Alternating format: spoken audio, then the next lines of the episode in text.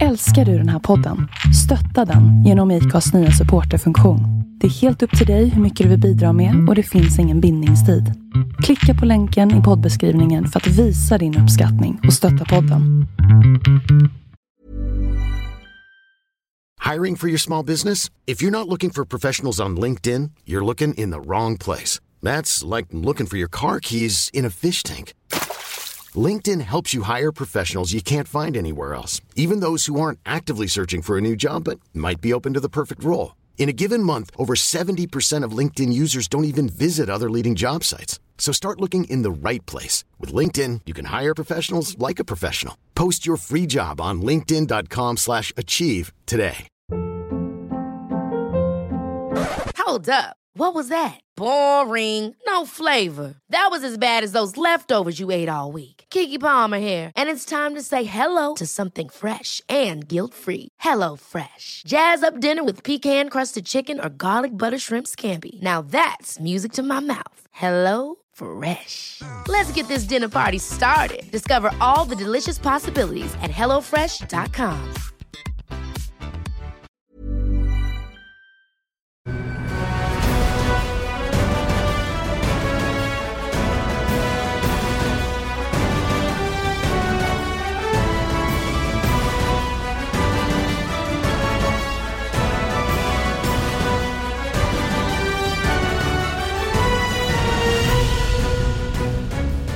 För ännu en eh, MotoGP-podd med Lion och Mårtensson.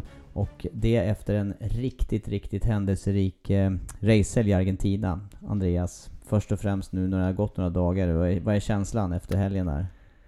Ja, hur är känslan? Först var det lite bitter eftersmak tyckte jag. Ehm, sen har dagarna gått och det har blivit lite bättre. Jag ser fram emot nästa racehelg nu faktiskt. Själv? Du, du har hunnit tänka efter lite grann här sen, sen vi jobbade på under, eh, ja det var en, det var en extremt händelserik söndagkväll där. Det händer ju eh, lika mycket som det händer på en hel säsong egentligen känns som. Ja, det, det händer ju hur mycket som helst där på, på två timmar och Ja, jag var ganska förvirrad när jag åkte därifrån kändes det som. Mm, jag, hade, jag hade svårt att sova på natten efteråt och tänkt lite grann på utvecklingen där under, eh, under den racedagen. Ja men vad vi får, vad vi får uppleva. Ja, det är ja, helt ja, fantastiskt. Och det, det var, jag tror till och med att jag pratade om det i sändning att, att eh, på de eh, 35-40 år som jag har följt den här serien så var det nya grejer. Jag, jag kunde liksom inte tänka mig att det här skulle ske. Och så, och så får man en serie händelser som är, ja det är fantastiskt. Jag håller med dig.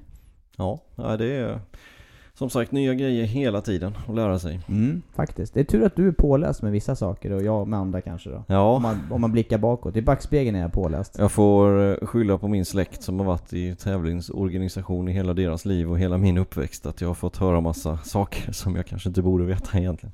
Men det är tur det tycker jag, för det blir, eh, det blir eh, innehållsmässigt så, så kändes det efteråt som att vi, vi hade tillsammans ett bra koll på läget i alla fall. Ja, det kändes ju så men, men det var ju ändå mycket som var nytt och vi var inte helt säkra Nej, på det hur det skulle... spekulerande. Ja, det var mycket spekulerande. Hur de, speciellt då hur de skulle ställa upp till slut. Det var ju, det var ju lite kaosartat. Det, det går ju inte att säga någonting annat. Nej. Eh, om man då drar lite kort förutsättningarna för de som inte, eventuellt inte har sett racet där i Argentina så var det i alla fall en, en helg med, med blandade väderförhållanden, lågt eh, fäste och ett otroligt dramatiskt kval först och främst där man trodde att man hade fått se eh, allt som går att se på en motorcykel runt ett varv med, med Miller där i, i eh, pole position till slut. Ja, och jag grämer mig fortfarande att inte vi fick följa det i direktsändning för det fick vi inte för, pro, för ja, producenter valde någonting annat och det är på grund av att tidtagningen la ner just sista minuten på kvalet och det var ju Det var ju oturligt. Men, men vi hade ju det på känn att han var ute på slicks. Han hade varit ute i några minuter, han var ute på sitt femte kanske, sjätte flygande varv och, och så lyckas han sätta ihop det där. Och det var helt, helt vilt det varvet. Och varvet innan var ju också helt vilt så att Ja, hur han höll sig på hjulen där det, det vet jag inte. Nej, och du som nyligen har varit aktiv under de där förhållandena, vad är det som rör sig i huvudet egentligen på de flesta förare? För någonting, eh, något eh, gemensamt med de flesta förare måste ändå Jack Miller ha, även om man gör något extraordinärt i det här fallet. Ja men han är ju, det visar han ju även sen på söndagen, vilken gambler han är och hur skicklig han är att köra med slicks när det är blött. Och det ska man veta att det är inte lätt alltså. Och just i sektor 3 där, den var som, där, där det var som blötast.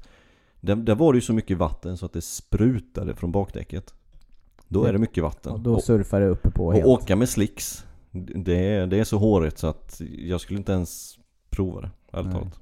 Nej, och vi såg ju det på flera, eh, som tur är så fick vi se några varv innan där hur, eh, hur cykeln eh, betedde sig och vad som, hur han flög runt på cykeln. Ja, visst gjorde han det. Sen ska man komma ihåg att han, han var lite, om man nu får säga att han var lite hjälpt av vissa saker. Det var ju att det var varmt och det är bra fäste i asfalten även fast det var blött. Det har vi ju sett flera, även fast det var nyasfalterat så har vi ju sett det med Power till exempel för några år sedan han körde på slicks då. Så att det hade han ju till, till sin hjälp. Hade det varit 10 grader, som det kan vara i Europa vissa gånger när det regnar, då hade det varit ännu lite svårare. Mm. Ja, skickligt var det. Men när väl, när väl eh, racedagen rullade igång så, så eh, var det ju dramatik i eh, de mindre klasserna i och med att banan höll på att torka upp. Det var ju blött inledningsvis på dagen. Mm, ja, det var det. Och eh, en av de första som testade med slicks, det var ju Arbolino från pole position i Moto 3. Och sen även Martin, men det, det räckte ju inte. Banan hann ju inte att torka upp, även fast de åkte samma tider som de med regndäck. Det är ju ganska fantastiskt att man ser det under nästan en halvtimme, att förarna är ute och ligger och kör nästan sam, samma varvtider. Det, antingen brukar det ju vara antingen eller helt enkelt, men det var det inte. Det, det brukar bara mötas en kort stund där. Ja, exakt. Kurvorna brukar mötas under ett par varv. Precis. Och, och då kände jag så här, men det här är ju lite intressant inför MotoGP. Men, men där blev det ju inte riktigt så heller, för där torkade det mycket, mycket snabbare än vad det gjorde tidigare på dagen. Ja, och när, när fältet rullade ut på sitt eh, besiktningsvarv, då har alltså alla i startfältet utom Jack Miller som står i pole har eh, regndäck. Ja. Visst, har jag uppfattat, har jag uppfattat det rätt eller? ja, jag vet inte vad de rullade ut på på sitt sighting lap, det är ju omöjligt att veta. Men däremot så vet vi ju att Miller hade slicks på. Eh, mm, Ja, han kanske bytte på griden, vad vet jag, men han hade ju slicks på, resten hade regndäck. Han hade i alla fall bestämt sig att starta, han skulle starta racet på slicks. Det Ja. är att förenkla uttrycket där. Ja, exakt. Men eh, det som sen sker, det är ju en serie händelser som är... Eh, redan innan racet satte igång så, så höjer man ju på ögonbrynen flera gånger och eh, blir förundrad över hur eh, ändå... Jag vet inte, går det att säga att, eh, att eh, eh funktionärer och annat är dåligt förberedda? Eller är det här så extraordinärt så att man eh, inte ens ska kunna förutse det? Ja, så här i efterhand så borde man ju kanske kunnat förutse det, men det är ju jättemånga seriehändelser som gör att det blir så. Det är ju att allihopa, är det, är det en förare till exempel då som bestämmer sig att nej men nu vill jag byta däck eller nu vill jag göra någonting. Efter det att tre minuters skylten har visats, det vill säga tre minuter till start av warm-up lap. Då får man rulla in cykeln i pitlane och byta. Och då startar man alltså warm-up lap från depån. Och så ställer man sig sist på griden. Är det 24 personer på griden, förare, vilket det var nu, det är 24 förare Mm. mot GP. Då ställer man sig alltså i 25 startruta. Som den föraren. Är man fler än en förare så går man efter kvalpositionerna. Den som startar längst fram då startar i 25 och så neråt. Och det är ju inga problem om det är en eller två. Nej. Och kanske tre eller fyra Nej. skulle gå. Kanske. Problemet är ju när det är 23. Och vem skulle visa dem rätt där på... Ja, det var ju... och det fanns inte rutor. Nej, nej, nej. Alltså första problemet var ju att vem skulle visa att de var de skulle stått någonstans? Eh, Det var ju därför egentligen det blev start delayed. För att man kan ju själv tänka sig om, om Jack Miller åkte ut på sitt warm-up lap, han kommer fram till griden till start med hyfsat varma däck. Och så kommer det 23 förare till som ska då pekas i rätt det gör man ju inte för det finns inga funktionärer ute på startplattan när, när man kommer fram från warm-up lap. Det gör ju alla när man kommer fram från sighting lap. Mm. Och där står det även då markerat vart man ska med nummer och... ja, den här och, lilla skylten. Eh, och det var ju därför de valde start delay. De ville reda ut det här. Och sen har vi precis som du sa där nästa problem och det är ju det här med antal startrutor. För det finns inte, hade, hade då Pedrosa startat i ruta 25 då finns det inte tillräckligt med startrutor. Reglementet säger att det ska finnas 14 rader. Du vet, 14 gånger 3. 42 startplatser. Det är vad det ska finnas. Eh, Då, Och då täcker det inte hela där om det är då täcker 24. det inte. Då Nej. täcker inte. Nej, Och- mycket, mycket, mycket förvirring där under en, under en lång stund kändes det som. Ja, det kändes så. Så detta gjorde ju till slut att Pedrosa startade i 16 startruta. Men tänk då om någon annan än Jack Miller hade stått kvar. Tänk då om den personen som hade startat 17 säger vi. Vem startade 17? Eller vem skulle startat 17? Det skulle Xavier Simeon ha gjort. Om han hade varit den som stod Ja. kvar, Exakt. då skulle förskjutningen ha blivit långt, långt, långt, långt. Då hade det inte gått. Då Tur. hade det inte gått. Tur för Argentina och Ja. Och för oss. Då hade de haft större problem. Och dessutom om, om då Jack Miller hade stått där och Simeon också. För då ska det ju vara liksom pole position och 17 startruta. Då kan man ju inte ställa, vad ska man göra då? Ska man ställa Simeon då i ruta 5? För att få plats med de andra? Nej, det hade blivit fel också. Det, hade hade jag blivit- inte tyckt varit Nej, det hade det Och, och nej, grejen då, är nej, att... nej, då måste ju avståndet mellan Miller och Simeon vara intakt. Och sen så måste man fortfarande fortsätta att räkna då bakom Ja. Simeon. Ja, och då är man ju fortfarande där i ruta 25 och då finns det inte så räckt till allihopa. Nej, jag förstår att de kliar sig i huvudet där. Och det här sker alltså på primetime sändningstid och det är andra racer för säsongen och... Eh, Och de hade ändå tur att det inte blev så, att det var just pole position det handlade om. Nu blev ju ändå avståndet mellan då Pedrosa som skulle startat i 25 startruta och Miller som skulle startat i pool. Det blev ju istället 16 startruta. Så att alla kom ju närmre Miller än vad de egentligen skulle göra. Och problemet är ju att man kan ju inte hade det varit i Sverige till exempel så hade man, om man nu hade ställt sig in för det här problemet så hade man ju istället kanske bara stegat upp och ställt skyltarna längre bak. Men Mm. det kan man inte göra här för här har man sin ruta man ska stå i och för varje led så finns det kameror som ska täcka för tjuvstarter och så vidare och så vidare. Det är mycket tekniska saker som gör detta att man inte kan stå utanför sin ruta. Nej, nej men för jag vet att vi snackade om det där också under, eh, under eh, tävlingsdagen att eh, det har hänt just på Anderstorp till exempel att eh, förare, och jag tror till och med att jag har startat någon gång något eh, rookie-race eller provrace eh, Ja, innan sista sväng och in mot karusellen där. ja. Och, och det är ju möjligt i Sverige på det sättet men i MotoGP är det inte riktigt möjligt och det var, därför, det var därför de behövde flytta fram helt enkelt. Men som sagt, man undvek ju i alla fall. Det, detta blev ju inte worst case scenario. Det blev ju faktiskt lite bättre än så. Ja. Men du, vad rör sig i huvudet där på Jack Miller när han sitter på cykeln? För det var en ganska så lång procedur och han har tagit pole och har egentligen upplagt läge känns det som när han har... Han har ju valt det däcksval som eh, visar sig vara rätt. Ja, och han eh, till slut var ju en liten nackdel av det. För Ja. att alla andra sitter i sin depåbox en kvart. Med hjälmen på hyllan och musik i öronen och, och allting möjligt liksom. Medan han sitter på griden. Eh, och det är ju en klar nackdel, givetvis. Eh, och sen så tycker jag det dröjde lite för lång tid egentligen.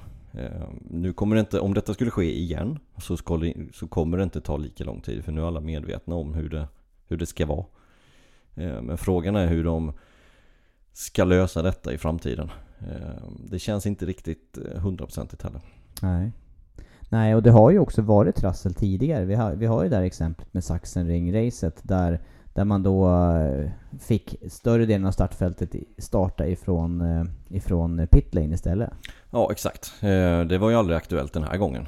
Utan de skulle ju starta warm-up lap från pitlane. Men, men de måste nog tänka till lite där att man kanske inte ska få byta cykel. Utan när det är fem minuter kvar eller vad det kan vara för någonting. Kör man fram till sin plats efter warm-up lap, ja då är det som det är.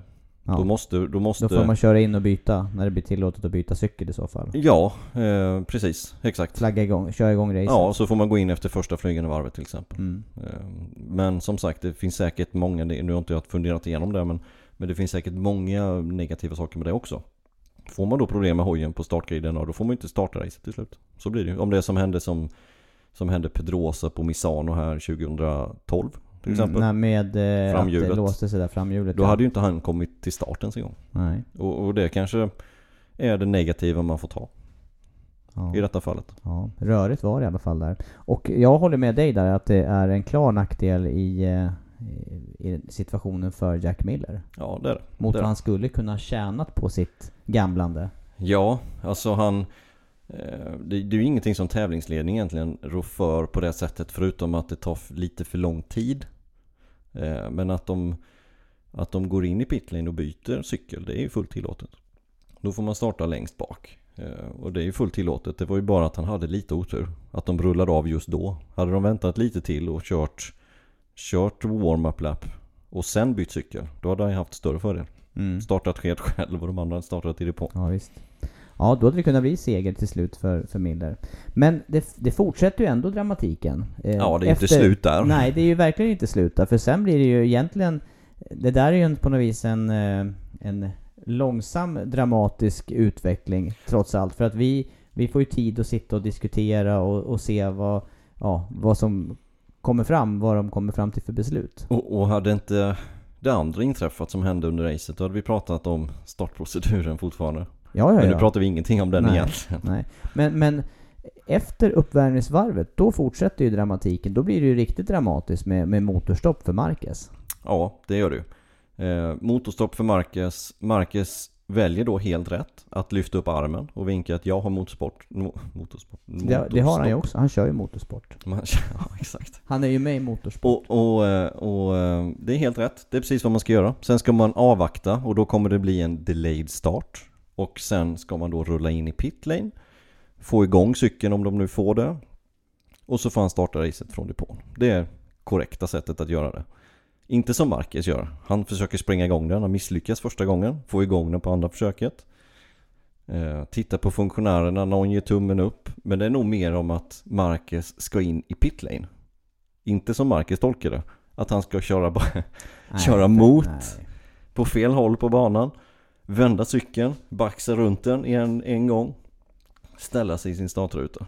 Ja, det, är, Det- det är inte direkt trial radio på den där. Det, var ju, det, det tar ju nästan en banbredd att svänga runt. Visst gör det. Och det är Men- ju inte tillåtet. Nej, och, och mot riktningen som du säger här. Och eh, två startförsök.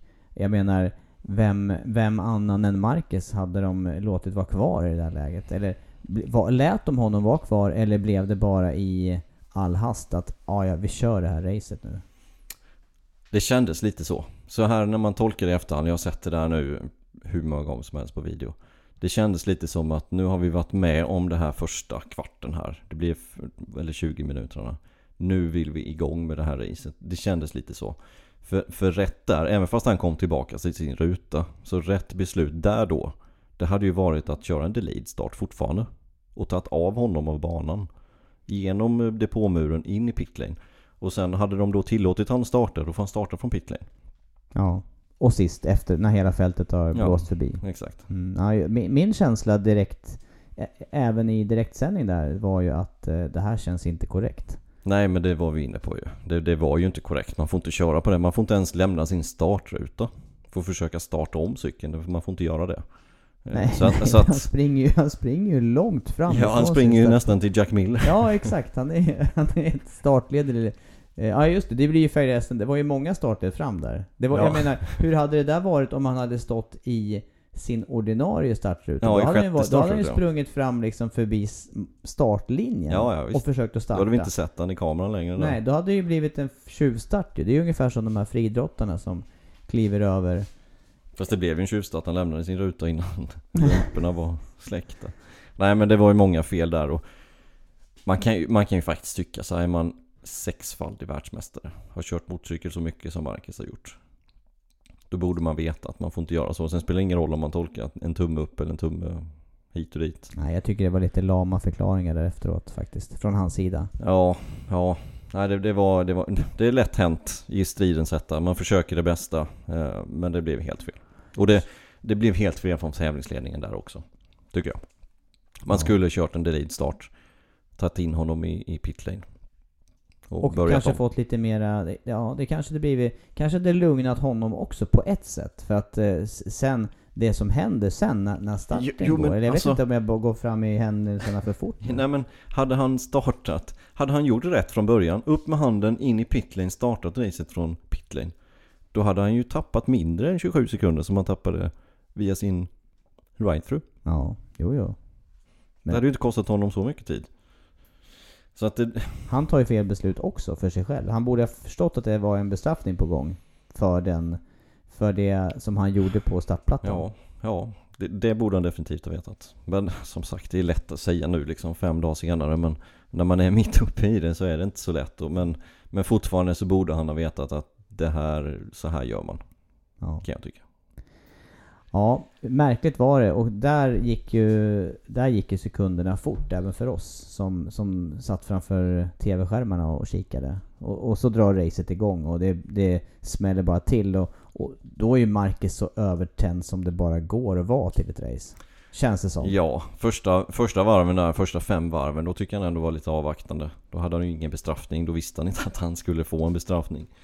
Ehm, och då körde han ju bra. Han, han eh, tog sig upp i ledning, höll ledningen. Och sen fick han ju sin drive-through.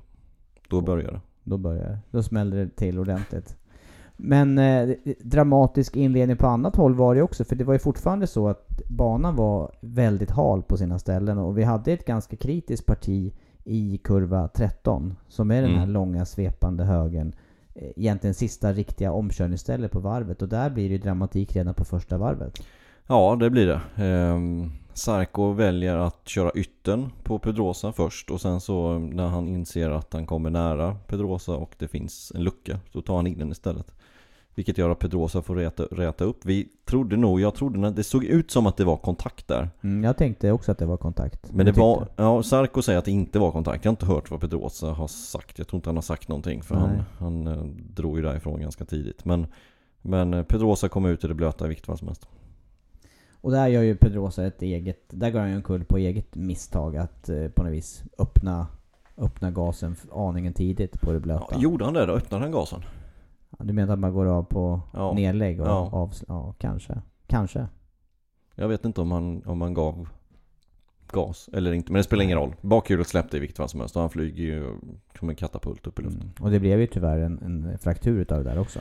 Ja, det blev det. Han flög hem. Han trodde ju inte att det egentligen skulle vara det, men han skulle ha lite mer undersökningar i tisdags. Flög hem till Barcelona och sen så kom de ju fram till att det var brutet och han är opererad. Mm. Och, så fortsätter racet med eh, den här gruppen förare med, med Miller och med Marquez och med Crutchlow är med bra i täten och, och Sarko är med och, och Rins är med. Och ja...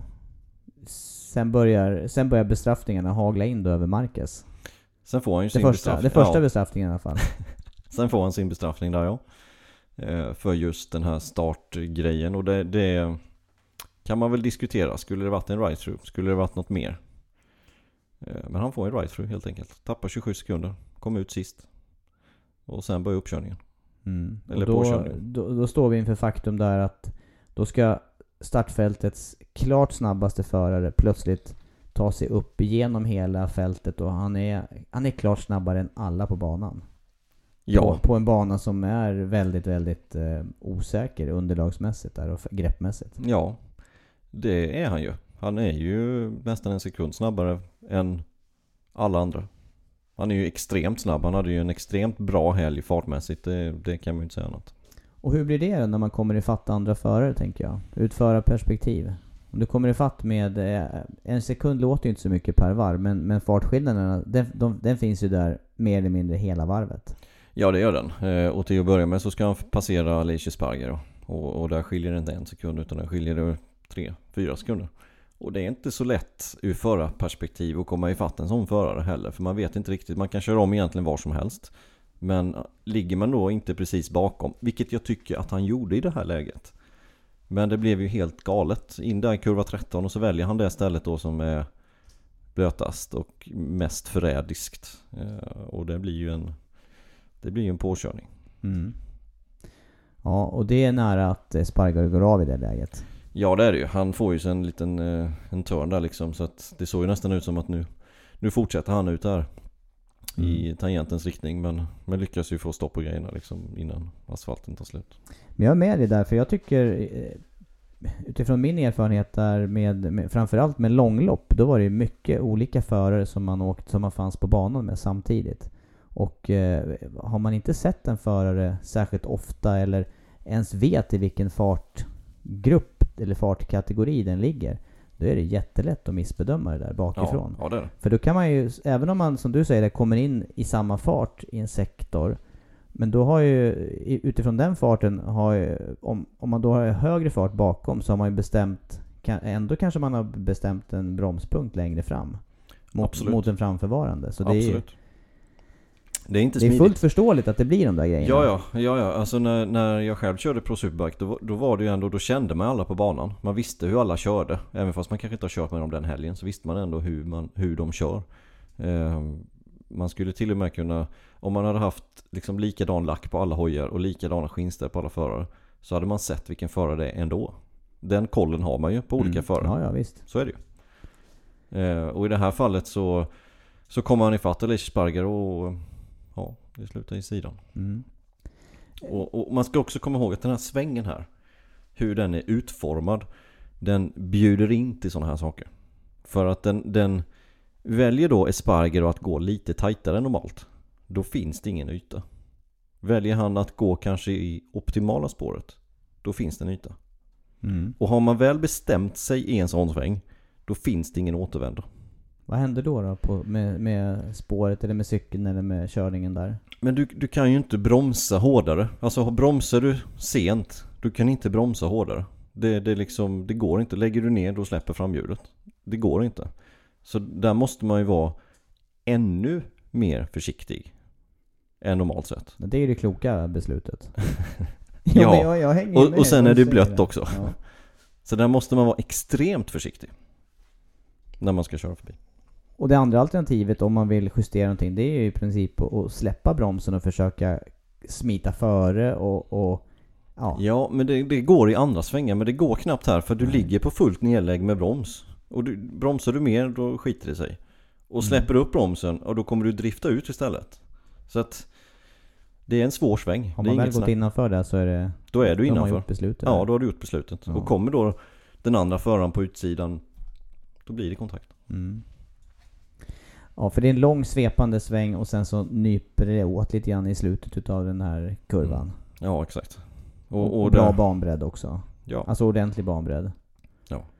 och han Mm. var ju, där var han ju extremt optimistisk. Marcus menar du nu? Ja. Bara för att vara tydlig här. Ja, exakt. Jo, det var ju. Ja, det var han. Tycker du att han skulle varit mer defensiv i det här läget? Då? Absolut, ingen tvekan. På, Visst. både på den här exempelomkörningen och på det som skulle komma senare också? Absolut, det är inget snack om den saken han, han, gör ju. han gör ju väldigt många dåliga beslut där och det är ett utav dem. Han, han, ehm, han skulle inte varit så aggressiv. Han, han hade haft massa poäng med sig härifrån. Om han inte hade varit så aggressiv. Eh, man, kan, man kan vänta en sväng till. Det går att göra det. Även fast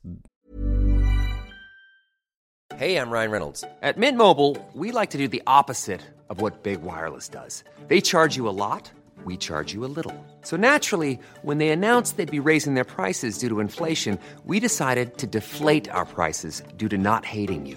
That's right. We're cutting the price of Mint Unlimited from $30 a month to just $15 a month. Give it a try at mintmobile.com slash switch. $45 upfront for three months plus taxes and fees. Promo rate for new customers for limited time. Unlimited more than 40 gigabytes per month. Slows. Full terms at mintmobile.com. Hiring for your small business? If you're not looking for professionals on LinkedIn, you're looking in the wrong place. That's like looking for your car keys in a fish tank. LinkedIn helps you hire professionals you can't find anywhere else, even those who aren't actively searching for a new job but might be open to the perfect role. In a given month, over 70% of LinkedIn users don't even visit other leading job sites. So start looking in the right place. With LinkedIn, you can hire professionals like a professional. Post your free job on linkedin.com slash achieve today. Ever catch yourself eating the same flavorless dinner three days in a row? Dreaming of something better? Well, HelloFresh is your guilt-free dream come true, baby. It's me, Kiki Palmer. Let's wake up those taste buds with hot, juicy pecan-crusted chicken or garlic butter shrimp scampi. Mm. Hello Fresh. Stop dreaming of all the delicious possibilities and dig in at HelloFresh.com. Let's get this dinner party started.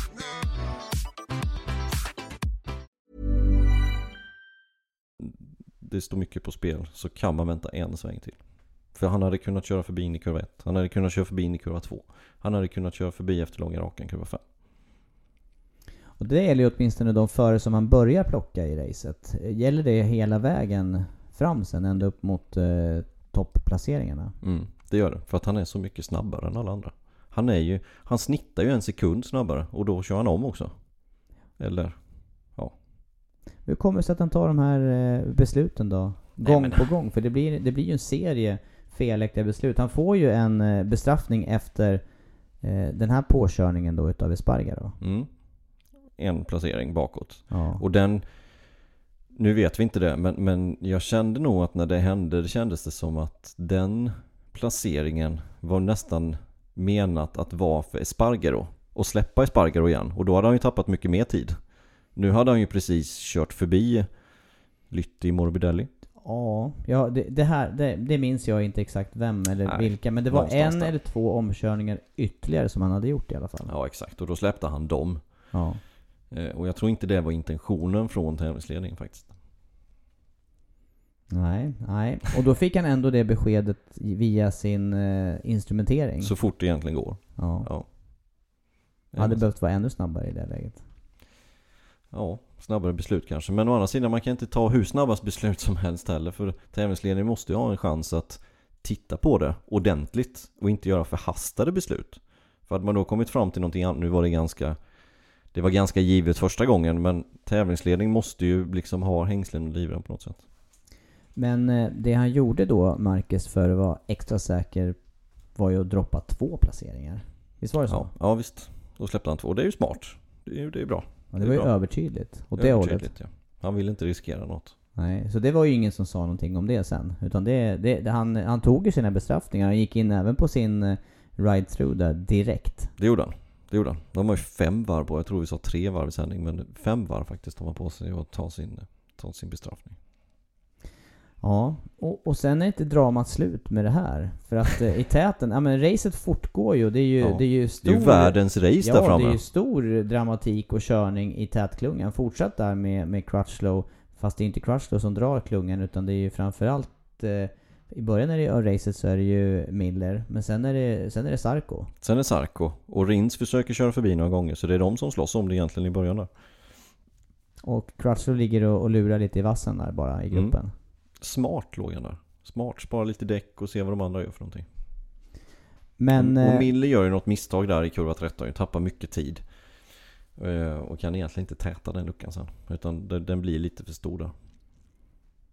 Mm. Hade han eh, resurser utan misstag tror du att hänga med i den här toppklungan? Jag tror inte det. Jag tror inte det. Det kändes inte så. För han tog inte in någon tid efter det heller. Så han, var, han hade aningen lägre fart alltså. Ja, det, det kändes så i alla fall. Men, eh, men, men Marcus verkar ju fortfarande ha siktet inställt på att kunna vinna det här racet. Ja. Jo, han kör ju för det. Han satsar ju så hårt Han åtminstone. satsar hårt ja. Och, Och- han var ju på några till på vägen upp alltså. Han var ju på Morbidelli och Lytti och, och körde hårt. Eh, Även några andra omkörningar var ju också sådär så att andra förare fick lyfta upp lite grann. Mm. Och, och till slut så blir det en, en sammanstötning igen då med, med Valentino Rossi. Mm. Att, och igen säger jag, för det är ju inte... Det, det har ju precis eh, lugnat sig lite grann där i deras eh, interna eh, interna kamp ifrån, ifrån Malaysia då ett par år tillbaka i tiden. Ja. eh, Och det, det, och det är inte fullt lugnt heller för Marcus han är inte populär på vissa ställen. Det, det, det hör vi ju tyvärr. Och det tycker, jag, Ja. det tycker jag är synd i sammanhanget för han gör ju, han gör ju show vart han än kommer. Ja, visst gör han det. Eh, absolut. Det tycker jag inte är, det är inte snyggt att bua sådär. Speciellt inte om någon vurpar, det tycker jag är ännu sämre. Eh, givetvis. Men sen kommer den här stö- sammanstötningen helt enkelt mellan de två. Igen. Och då är det på samma ställe där, han har, där Marcus då tidigare har gått ihop med eh, Aleix Espargaro. Ja. Men här blir det ytterligare lite till så att det inte finns... Det, det blir ingen asfalt kvar för Rossi där till slut. Nej, det blir det inte. För sammanstötningen kommer lite senare. Eh, någon, några tiotals meter senare in i svängen kommer sammanstötningen. Och, och ja, Rossi kan inte göra någonting. Det, han har Han, redan... han måste åka med Marcus utanför där Ja det måste han göra. Men, men just när, när, eh, när Marcus kommer. Det går liksom inte att uppfatta det av Rossi och kunna resa upp. Utan, utan det blir en sammanstötning. Det är alldeles för optimistiskt för, för Marcus. Ja, Och och, lite och, hur ser... Ja, exakt. Och hur ser tävlingsledningen på det här sista då? Ja de ser ju det som en ride-through de också. Ehm, återigen.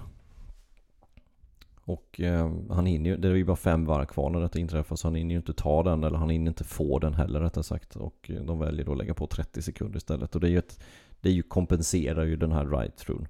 Eh, Det är ju någonting de kommit fram till inför varje bana. Att detta, en ride-through tar ungefär en viss tid. Och sen så väljer de då eh, ja, ett tidsstraff där istället. Mm. Känns det rimligt igen då, den bestraffningen?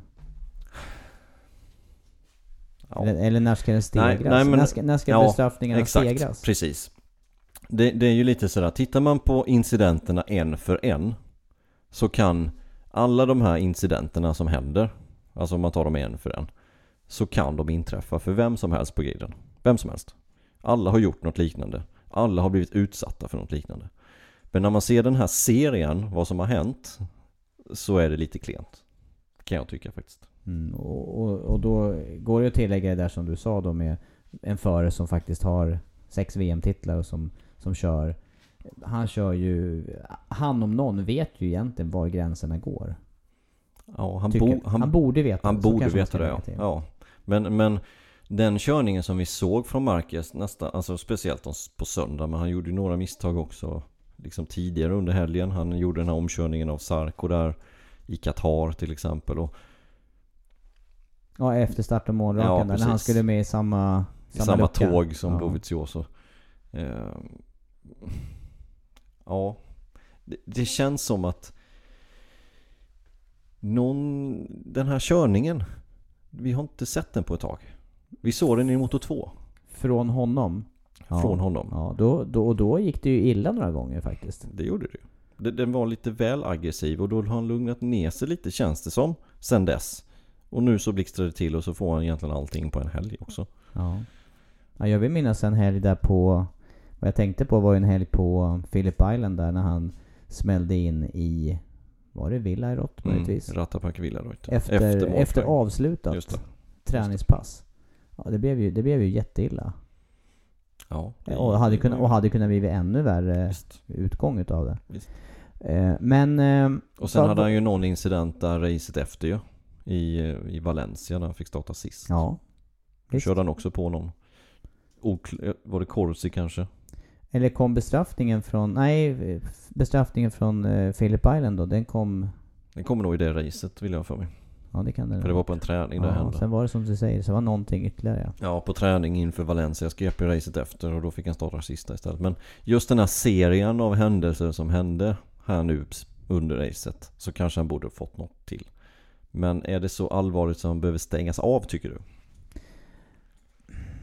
Ja, det är frågan hur man ska stegra de här bestraffningarna. Det är... Eh, ja, jag, jag håller med dig där fullt ut att eh, en serie, en serie händelser som det här, det är, då har man gjort flera missbedömningar på för kort tid. Mm. Eh, Ja, för, ja, för ja. det får ju, det sista här nu får ju konsekvensen att Rossi vurpar i gräset. mm. Banan tar slut, det är blött gräs, det finns inget Rossi kan göra. Det är, det är kört. Vi har sett det här tidigare ihop med eh, framförallt med startkrascher för ett 10-15 år sedan. Då vill jag minnas att man tog till avstängning något race eller två. Nå- kan du påminna dig? Eller är jag ute och cyklar nu? Jag Nej. för mig det. Ja. Ihop med eh, John Hopkins, Suzuki-eran någon gång där. Tidigare runt 2000. Ja, ja, Nej, den, den enda avstängningen som jag kommer ihåg har skett Nu har det, ja, det har säkert mitt minne kan svika men, men det är ju Lorenzo fick en avstängning Efter en incident i Japan mot Tegi Och detta måste ha varit 2005 kanske? 2006? Det var 250 10 250, ja. Eh, då fick han en, en, eh, en bestraffning En avstängning, ett race Han För något ett race. liknande, för farlig körning? Ja, för liknande. farlig körning under Ja. racet. Han, eh, jag tror han drog med, jag tror han kraschade själv också då, men då drog han med sig någon. Eh, Och då hade det säkert försiggåtts av eh, ja, andra incidenter. Mm, ja, det var jag rimlig ute, tid. ja, och det jag var ute och cykla eller for efter det, det var just lite väl offensiva eh, starter då från Ja, jag, jag törs inte ens säga om det var Hopkins där, men jag har för mig att det var den där eran i alla fall. Eh, men ja, man kanske ska ta till avstängning igen. Jag har inte, det, det där har inte jag riktigt eh, grunnat på, vad man ska göra för att stegra bestraffning. För det räcker ju inte heller med, jag menar vi har sett ett antal olika typer av bestraffningar i eh, i Moto 3 kring deras kvalförfarande. Och pengaböter och sånt där, det, det räcker ju inte till för, för den här kalibern på förare. Nej, eh, jag, jag kan nog tycka ändå att avstängning är lite hårt. Jag, jag tycker nog att det är lite mycket. Och um, han, han fick trots allt en ride-through till. Han tog inga poäng, han blev 18 eh, Men de skulle lika väl kunnat dra fram den svarta flaggan då. För att göra ett statement på något sätt. Mm. Och den kanske till och med skulle kommit lite tidigare. Den kanske skulle kommit redan efter Spargaro-incidenten. För då hade han redan fått en ride-through. Och så gjorde han en ganska grov miss. För jag, jag tycker nästan att missen som man gör på Espargaro Den är till och med lite grövre än den han gör på Rossi. Men Vad Och det- grundar du det i? Att, Nej men att den kommer tidigare, den kommer i högre fart. Ehm, och ja, nu får ju inte den samma konsekvens till slut. Men, men eh, man kan inte gå efter vad som händer sen heller riktigt. För då kanske Salk också skulle åka på någonting. mm, ihop med det som hände med Pedrosa då? Ja, Mm. om man nu ska tänka konsekvens på det sättet. Mm.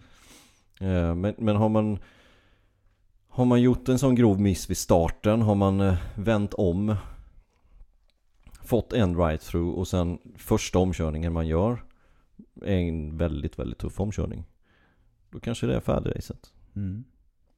Kanske Ja, det, Jag är glad det, att inte jag sitter i tävlingsledningen Ja, det, det, det är faktiskt jag med i det här. Jag hade inte velat byta plats. Nej. Eh, Och, och vi har ju... Kan i lugn och ro sitta vid TV-skärmarna ändå och, eh, och prata om det som händer. Och det är en annan sak att fatta beslut i allt det här. Visst Och, och, och fatta det hyfsat snabbt också för att racet pågår hela tiden. Ja Jo, så att så är det, det. det, ska ju på något vis... Det ska ju eh, värderas under tiden. Nu har vi inte hört någonting om någon avstängning eller något att han ska starta sist och, och jag tycker inte det heller. Det, den, han fick sitt straff där. Det kanske inte var tillräckligt. Men nu har man valt det straffet. Nu kan man inte straffa en gång till kan jag tycka. Nej, nej, det kan man Utan inte. Det tycker Nu inte har man tagit de besluten man har tagit. Nu gäller det att gå vidare. Men du kan ju räkna med att han har ögonen på sig nu. Ja, och jag, jag skulle ju verkligen vilja vara eh, den där lilla flugan på väggen i eh, Safety Commission nästa gång de sitter på möte där. Om, om alla förare är med som, som drabbades utav hans omkörningar där, då jag tror han kan få det ganska hett om öronen, Marcus. Ja, jag tror det också. Även utav sina förarkollegor. Det har vi ju även sett i, i media efter racet. Ja, Framförallt från Rossi då. ja jo. Rossi gick ju till ganska hårt angrepp. Ja, han skrädde inte orden där utan det var, det var ganska klart vad han tyckte. Men efter målgång där då, vad säger du om eh, det som skedde när, när Marcus ändå försöker gå och be om ursäkt eh, till Yamaha-boxen omgående? Ja. Det, det är ju också en, en sån där liksom, jag har ju varit i samma situation också. Jag vet precis själv. Jag vill inte se den personen som gjort någonting sånt heller. Jag vill bara, bara försvinn. Det kanske var, lite väl, kanske var lite väl snabbt agerat då? Utav, utav Marcus, med den, om man resonerar på det viset. Ja, jo. jo att det, kan det inte varit. riktigt Men, men, men å andra sidan så tycker jag också att, att man, man kan godta en ursäkt faktiskt. Jag tycker det. Jag tycker inte det var speciellt snyggt av Uccio där heller faktiskt. Att bara mota bort. Eh, Rossi står i bakgrunden, Lin Jarvis står i bakgrunden och Uccio får gå fram och bara peta bort dem. Eh, jag kan tycka att Man kunde, man kunde låta Alberto Puig och eh, Lin Lin Jarvis, ja, kunde man gjort. Hade jag tyckt. Kunde Ja. ha varit okej. Det, Nu då, är- då är ändå gesten eh, på det vis, då, då, är det, då är det att båda sidor har Ja, bjudit till. Rossi tyckte att det här är ett spel för galleriet. Mm. Eh, såklart, han tycker det. Eh, men han har ju gjort precis likadant när det handlade om Stoner. Eh, då gick han in. Det var ju inte för att han tyckte så jättesynd om Stoner. Nej, nej. Nej, Stoner var ju rätt syrlig vid det tillfället också. Ja, inte bara lite. Ganska rejält. Men ehm, ja, det, det är ju jättesvårt. Det, det, de kan ju bara svara på, de har ju ingen relation på det här sättet längre. De är ju osams från gamla saker. Jag förstår Rossi på ett sätt, men jag tycker att man kan ta i hand på ett annat sätt. Mm. Ja, ni hör själva. Det finns ju hur mycket som helst att analysera efter det här. Och, och i och med att det är förare av den kalibern som det är också. För det var ju rena rama... Eh, det blev ju rena rama bowlingen här till slut. Och där då toppförare efter toppförare faktiskt med, med allt som hände hamnade utanför poängplats. Vi ska ju komma ihåg då Pedrosa direkt där. Och sen fortsätter det då med, eh, med, med Rossi då som kraschar ur. Marquez med bestraffning. Lorenzo tar sig inte ens in på poängplats i, i racet. Jag tror han tar en poäng till slut. Gjorde han det? Ja, jag slut? tror han tar en poäng. Jag tror han blir 15 Lorenzo. Ja, det kanske jag missade. Med bestraffningen där av, Ja, ja, ja, av. Marcus. Mm. Men i vilket fall, det, det var ju ingen, det var ju inte så att det regnade in poäng på toppförarna den här helgen. Nej, det gjorde det inte. Eh, Och det var ju bra för Dovizioso. För Dovizioso hade ju också en miserabel helg. Ja. Eh, Inga vidare. Han blev sexa till slut. Och det kunde lika väl varit en nionde plats om de andra tre där hade gjort saker och ting annorlunda. Mm. Och sen har vi inte sagt någonting egentligen om utgången än utav racet. Men det blev till slut Crutchlow som drog längsta strået i den här trion då före... Före... Eh, Sarko. Ja, Sarko var det till slut som blev tvåa. Så Och det Rins. hände så mycket. Och Rins kom trea ja. Men, Ja. men jämnt hela vägen in till mål där också. Ja det var det, det var det. det, det dock kändes det som att, eh, att eh, Crutchlow hade lite till att ge. Eh, han eh, låg smart och avvaktade. Eh, och sen så la la han in stöten i rätt läge. Vad har du att säga om hans reaktion efteråt då? Där, han, klart han var glad att vinna racet men sen var han ju riktigt missnöjd över att inte journalister och eh, andra dök upp och hyllade och eh, ställde upp och, och frågade som, som vanligt. Istället jagade, jagade Marcus och Rossi i depån. Ja, vilket är förståeligt ur journalistsynpunkt givetvis. Alltså vi har den absolut största i MotoGP mot kanske den absolut snabbaste i MotoGP. Eh, Och de har sin historia och det händer igen. Så det är inte så konstigt att journalisterna till viss del väljer det. Då spelar det ingen roll att det är Hondas 750 seger och att det är en satellitteamsförare som vinner race och att... Eh, ja... Och att det är en segrare helt enkelt. Nej. Men jag tycker det är tråkigt och jag tycker det är helt rätt av Crutchlow att markera. Det, det tycker jag absolut. För ärligt talat så är man ju lite trött på just Marquez, Rossi och deras rivalitet. För det, det är nästan Det är nästan osunt. Ja, det är nästan osunt. Och det är, Ja. jag tycker att det blir osunt ihop med, eh, med fansen. Blir det osunt faktiskt. Då blir det osunt ja. Då blir det ju... Det där, det där har inte jag eh, sett förut egentligen inom racingen. Utan det har ju känts som att... Ja, de, de, de flesta som, som kollar på race live på banor, där ja, man accepterar att ena helgen är en före snabbare, en annan helg en annan före snabbare. Och är det bra race så har folk varit nöjda. Ja. Generellt sett. Ja exakt, men nu är det ju Det var en hatisk stämning som blev lite mindre hatisk Men nu lär det ju vara väldigt hatisk Mm. igen Igen ja. och, och det tycker inte jag är bra för MotoGP För själva serien Det tycker jag är dåligt men sen kan man ju inte komma undan att eh, Marcus, som jag sa tidigare här, han gör ju en, han gör ju en rejäl show utav hela helgerna. Och han gör eh, avslutningen på racet i Qatar sådär superspännande som, som, det bara, som det knappt går att regissera. Ja, alltså Marcus är ju en stor del att eh, det blir så pass bra race som det blir. Nu gick han över gränsen och det vet alla. Det vet till och med han, han har funderat på det. Eh, Men, men ta bort Marcus ur Qatar-racet så blir det inget bra race där nere. Nej, det blir mer Då blir, det, statiskt. ja, då blir det Dovi show. Eh, ta, bort, eh, ta bort han från det här racet. Det skulle, skulle nog många önska kanske. Men, men han gör ju en show. Han gör ju vad han kan. Han kör ju gudabenådat bra. Det går ju inte att säga någonting annat. Han, han kör ikapp Rossi, Vinales, Dovi och har en, en ride-through på 27 sekunder. Och han gör det när det är fem varv kvar. Det, det är ju det är helt fenomenalt. Mm. Och så många räddningar vi såg honom göra under helgen.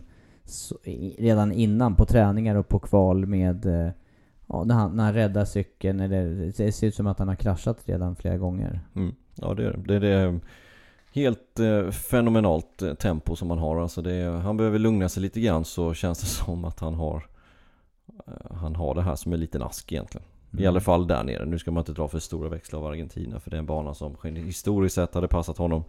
Men nu kommer vi till en annan bana. Ja, det blir intressant nu då att se efterspelet utav det här eh, i USA. Circuit of the Americas och eh, det är racefri helg den kommande helgen här. Men sen är det alltså racehelg och racedatum igen med eh, MotoGP då på, på startgriden 22 april.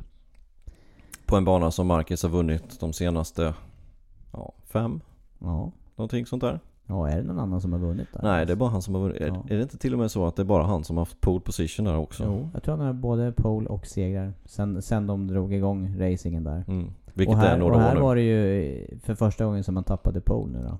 Just det. I Argentina. Så att detta är ju, är ju bra banor för just han. Eh, och Det har vi inte sagt nu, Pedrosa bröt ju arm, det sa vi, men vi vet inte om han kommer till start eller inte. Och förra året så var det ju Pedrosa som, eh, vad blev han, trea till Var det Rossi som blev två eller var det jag vet inte om det var dubbel Repsol men han var i alla fall i ledning länge, Pedrosa. Och utmanade om segern i alla fall upp till halva racet.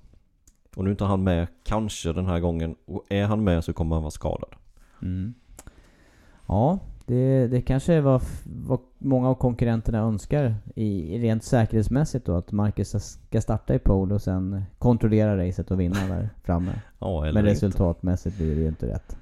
Nej, För någon, annan, inte. för någon annan. Alltså, som sagt, han kommer ögonen på sig. Det krävs att han gör en, en ja, jag skulle vilja nästan påstå en felfri resten av säsong. För annars kommer det, annars kommer det bli eh, race direction nästa. Mm.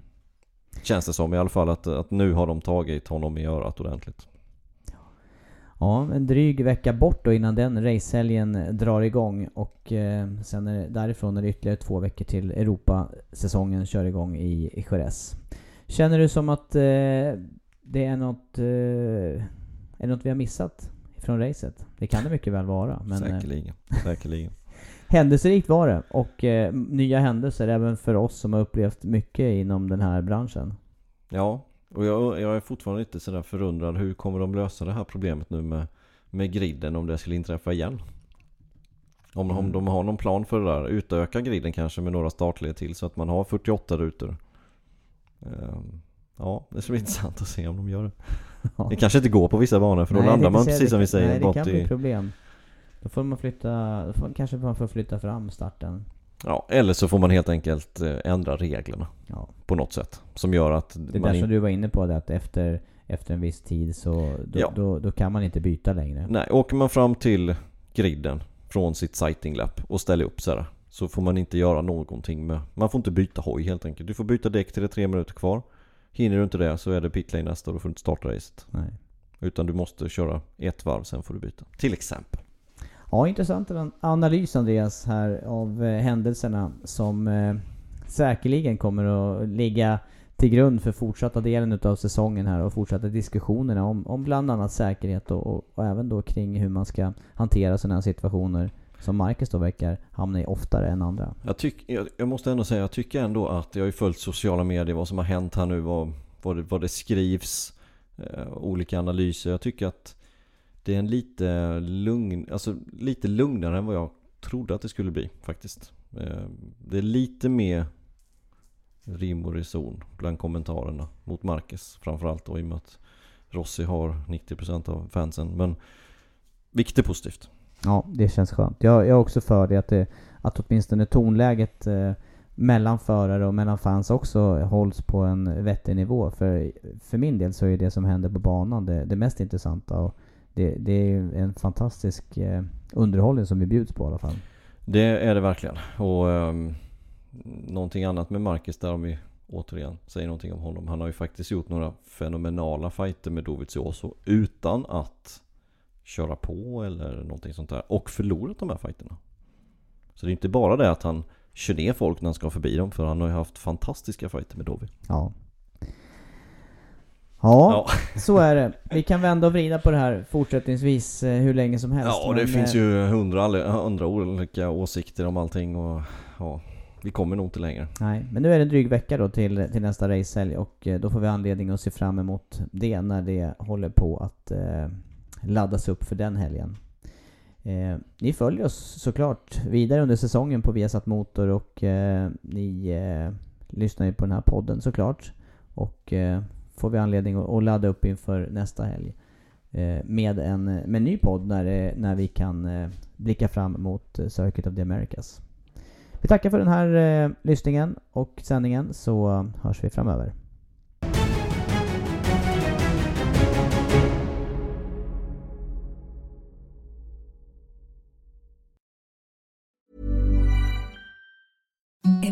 The softest sheets you've ever felt. Now imagine them getting even softer over time. That's what you'll feel with Bowl and Branch's organic cotton sheets. In a recent customer survey, 96% replied that Bowl and Branch sheets get softer with every wash. Start getting your best night's sleep in these sheets that get softer and softer for years to come. Try their sheets with a 30-night guarantee. Plus, get 15% off your first order at bowlandbranch.com. Code BUTTERY. Exclusions apply. See site for details.